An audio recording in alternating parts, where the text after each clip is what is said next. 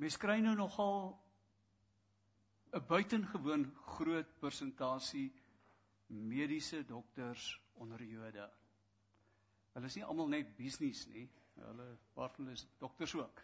En nou die dokters het nou 'n 'n gawe spreek wat sê as jy by die dokter se spreekkamer kom en daar sit geen pasiënte nie, gaan soek vir jou 'n ander dokter waar jy lank gaan wag voor jy gehelp word. Dit maak nogal sin nie waar nie. Nou hierdie staaltjie gaan oor die ou dokter wat vir jare in die Joodse gemeenskap gebly het en hy het al sy tydgenote mettertyd begrawe. Die gemeenskap het tot die gevolgtrekking gekom. Hy het ook 'n konstruktiewe bydrae gelewer om hulle begrawe te kry. Daarom het al minder van hulle na hom toe gegaan, nog net die ou mense. En toe arriveer 'n jong doktertjie. Baie ondernemend, Joodse doktertjie en hy maak 'n praktyk oop en sy spreekkamer sit vol mense. En die ou dokter is maar baie skepties en hy maak 'n afspraak. En die jong doktertjie sê, "Wat kan ek vir u doen?" Hy sê, "Jy kan my help, my hele lyf pyn." Die dokter sê, Waar in jou lyf? Hy sê, "Man, ek sê vir jou oral. As ek aan my wang druk, is dit seer, as ek op my maag druk, is ek seer, op my been, op my arm, oral is seer." Jong doktertjie skud sy kop. Hy sê, "Nee. Nee, maak 'n fout. Die lyf my keer niks." Dokter sê, "Maar ek vertel jou dan ek het seer." Hy sê, "Oom, jy het jou vinger gebreek. Dis wat seer is." nou, die prediker vanmôre is Agai. Profeet in die Ou Testament, as die Bybel byderhand het, sleep hom nader en, en ons gaan praat uit Agai 1. Agai het 'n woord van die Here vir mense in 'n besondere situasie. En die Here sê dis 'n kwessie van prioriteite. Kwessie van prioriteite. Het u al gesê ek werk maar ek pluk nie die vrug daarvan nie? Dis inflasie en dis rentekoerse en hoë brandstof en elektrisiteit wat al duurder word. Iets steel my geld. Ek kom nie uit nie. Ek kom nie voor in die lewe nie. Daar's altyd iets wat lyk of dit my kelder. Ek is die ongelukkige een. Net as ek dink alles loop reg, dan alles moet weer verkeerd geloop. Weer 'n keer. God het iets vir 'n mens te sê as dit jou belewenis is. Iets wat hy vir Israel in 'n besondere situasie wou sê in Haggai se tyd iets wat hy glo ek vanmôre wil hê ek en u moet ook hoor. Haggai is 'n profeet van wie ons niks weet nie. Eilik al wat ons van Haggai weet is dat daar hierdie baie ou tradisie is. As jy as jy nou al in Jerusalem was, dan sal jy weet daarvan die baie ou tradisie dat 'n graf wat gebou is so teen 'n bult Haggai, die profeet Haggai se graf. Is interessant is dat dat selfs in al die eeue wat die moslems oor Jerusalem regeer het tot 1948. Wel, die Britte het regeer, maar die moslems het 'n plek oorgeneem. Het hulle ook dit as Haggai se graf erken. Nou net na die Babiloniese ballingskap. Met ander woorde, hier is so aan die einde van die 6de eeu leef Haggai Die volk kom terug uit ballingskap, 'n deel van hulle, 'n groot deel het agtergebly in ballingskap. Die nuwe vryheid ervaar van vreemde lande, maar die wat terugkom beleef vir 18 jaar lank dat daar stilte is. Die Here praat nie met sy volk nie. En dan skielik die stem van Haggai. Sy naam is interessant, beteken feestyd. Waarskynlik is Haggai tydens een van die Joodse feeste gebore. En hy begin sy prediking heel gepas op 'n feesdag, nuwe nuwe maansdag. 29. Dis die enigste profeet in die Ou Testament wat ons presies kan aan datums vaskoppel. Hy begin preek op 29 Augustus in die jaar 520 en hy preek tot die 18de Desember van daardie jaar. En dan sy boodskap afgehandel. Presies 16 weke of 112 dae.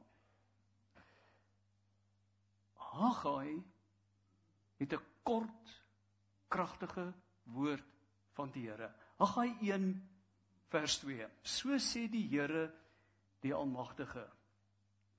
Hierdie volk sê: Dis nie nou die tyd om die tempel te herbou nie. Kom ek sê net ietsie oor wat die omstandighede was dan dan dan gaan jy waarskynlik saamstem. Mens kan nie nou tyd maak daarvoor nie. Die volk kom terug. Daar's niks. Dit lyk soos Kroasie nadat die Russe deur 'n stad gegaan het. Alles is met die grond gelyk gemaak. Want die Jode was soveel keer opstandig. Die Babiloniërs het so moed verloor met hierdie spul koppige Jode dat hulle hulle almal uit die land weggevoer het, net die armste van die armes agtergelaat het, maar eers het hulle al hulle geboue, al hulle infrastruktuur vernietig. Hulle landerye vernietig. Klippe, letterlik klippe in hulle landerye laat gooi.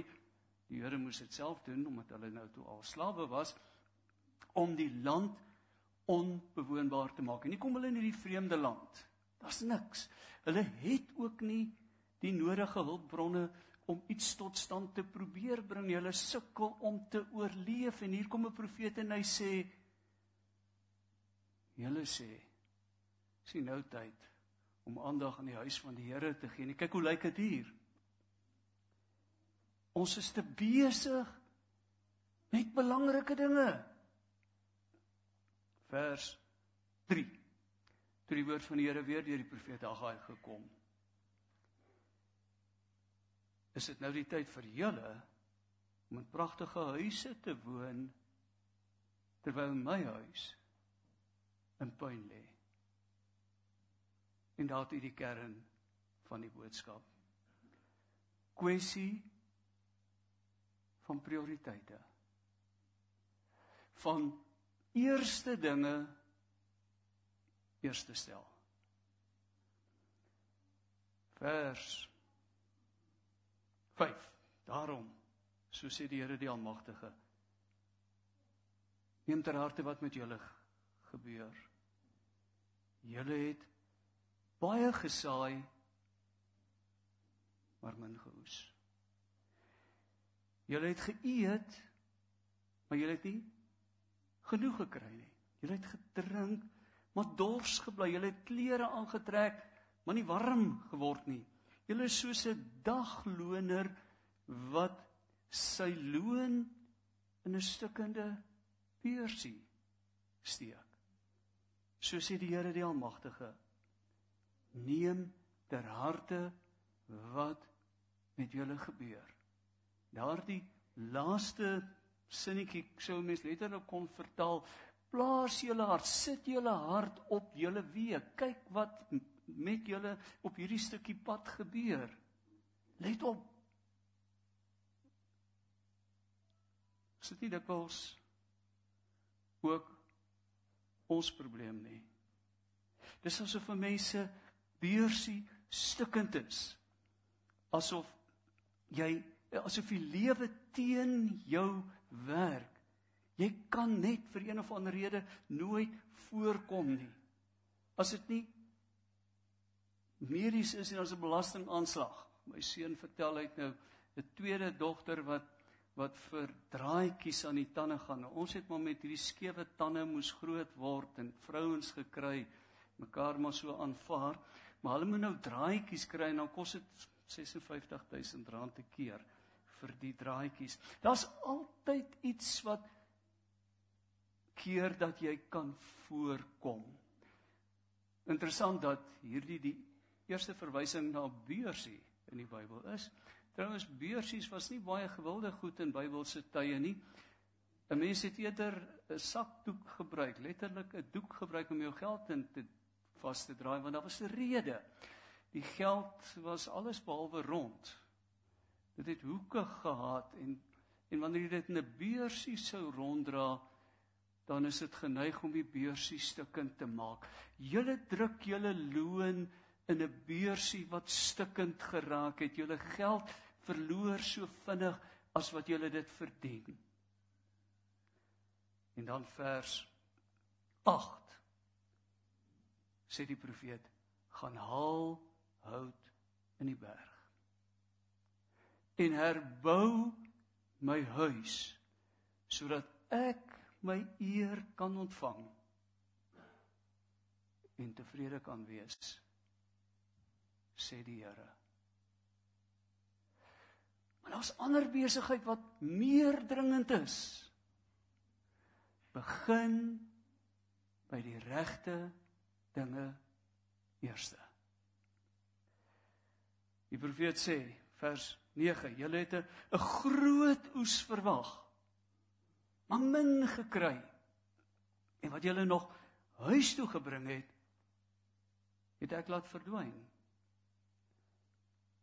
In Israel word die graan aan die einde van Mei, Junie geoes. Nier teen Augustus kom die ou volkie tot die gevolgtrekking.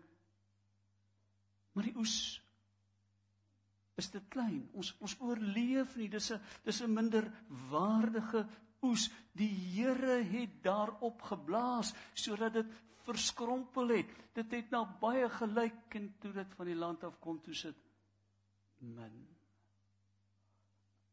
wat julle huis toe gebring het was 'n teleurstellende oes. En wat is die rede daarvoor? Want julle is besig met belangrike dinge maar die eerste dinge nie. Waarom vra die Here die Almagtige moet my huis in pyn lê terwyl elkeen van julle hart besig is om aan sy eie huis te werk. Dis oor julle dat die hemel sy reën en die aarde sy opbrengs teruggehou het. Ek het droogte laat kom oor die land en oor die berge oor die koring, die wyn en die olie en oor die opbrengs van die land oor mense en dier en oor alles waarmee mense hulle om waarmee die mense om besig hou. Letterlik staan daar ek, die Here, die Almagtige het droogte geroep.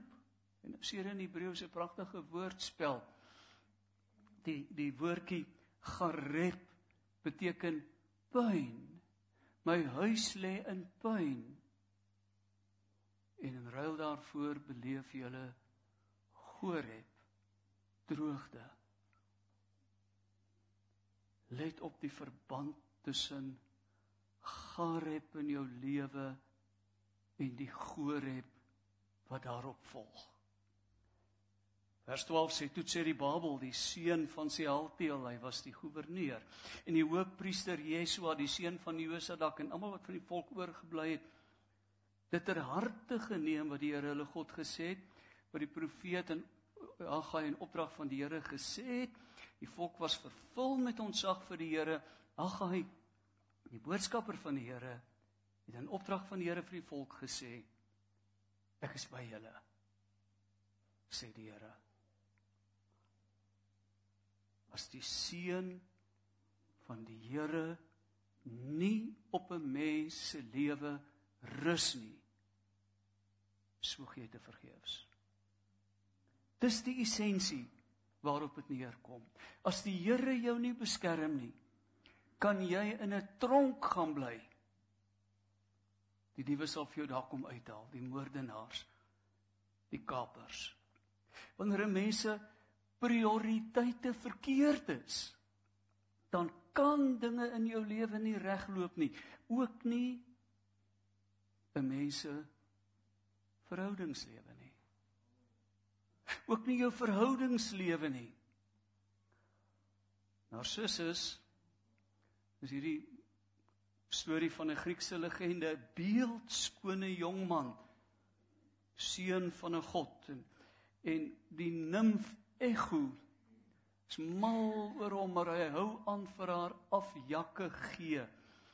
Ehm um, totdat daar van haar op die ou en slegs 'n ego oorbly. Soos mos wat 'n ego is. Dis al wat van haar oorgebly het. En Nemesis die die godin van geregtigheid is kwaad vir wat Narcissus doen en sy straf hom sy straf hom sodat hy verlief raak op sy beeld wat hy in die water sien. Dit was so 'n paar jaar voor hulle 'n spieël uitgevind het.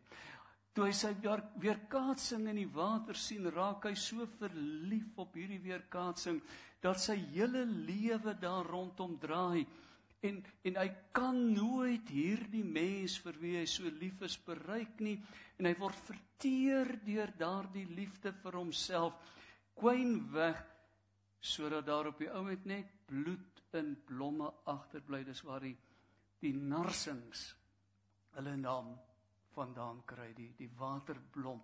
Narsing narcissus. En en vandag gebruik die sielkunde die term narcis vir iemand wat so opgeneem is in hom of haarself dat ander mense as ware maar net as uitbreidings van hulle bestaan dat ander mense ter wille van hulle bestaan. Is ek en u dalk party daar ook in narcissus. So lief vir onsself, so opgeneem in ons eie wêreld en ons eie belang dat ander mense as ware ter wille van ons daar is. En solank ons hulle nuttig vind, 'n ruimte in ons lewe het en andersins skryf ons hulle af. Wat vertel ons verhoudingslewe van ons prioriteite? Begin deur te sê die Here sê as jou prioriteite reg is, loop dinge in jou lewe reg. Ek wil dit 'n entjie verder vat en sê ook in jou huwelik sal dinge regloop. En ek sê dit stadig want ek weet dat mense wat nie altyd heeltemal by mekaar pas nie met mekaar trou en daar geweldige aanpassingsprobleme is en soos 'n mens ouer word word die aanpassingsprobleme partykeer amper nog erger. Maar ons kan as ons prioriteite reg is met die mense met wie ons skouers vryf saamleef. Dit begin waar ek aandag in die eerste plek aan die huis van die Here gee. Waar die Here eerste in my lewe staan. Wie of wat kom eerste in u lewe? Kom ons wees prakties. Kom ons dink aan die manier hoe ons ons geld spandeer. Ons begroting waar pas die Here en ander mense daarby in? Mag God ons nie seën na die mate wat ons hom erken nie. Agai sluit sy boodskap af. Agai 2 vers 18. Nou Let op wat vandag wat van vandag af verder sal gebeur. Van die 24ste dag van die 9de maand af. Die dag waarop die fondament van die tempel gelê is. Daar kom die skeiding.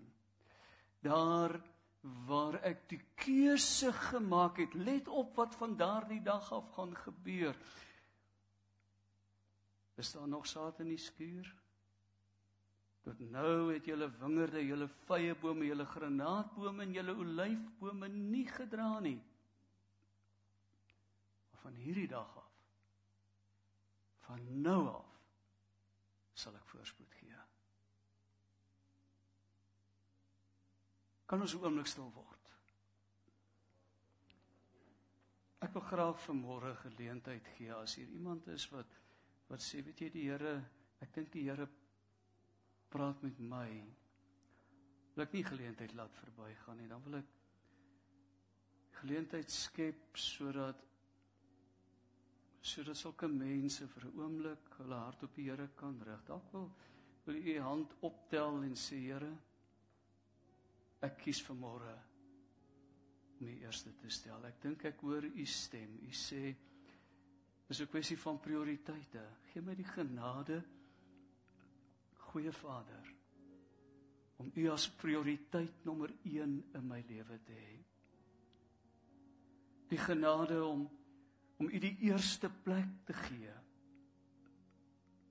Om ja ook aandag daaraan te gee om my eie huis te bou. Maar die eerste plek die huis van die Here eerste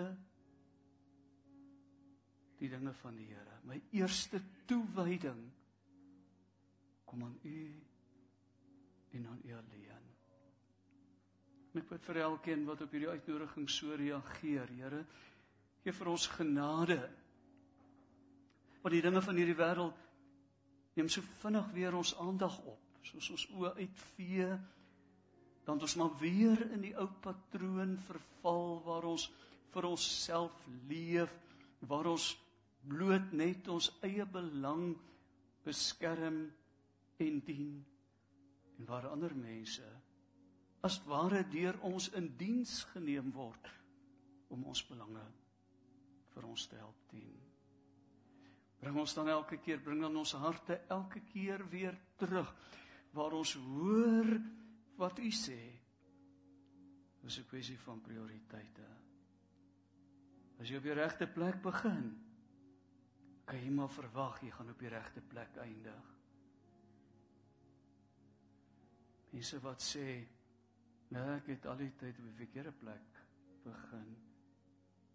Here, dankie vir die genade om te kan omdraai en agter U aan te stap.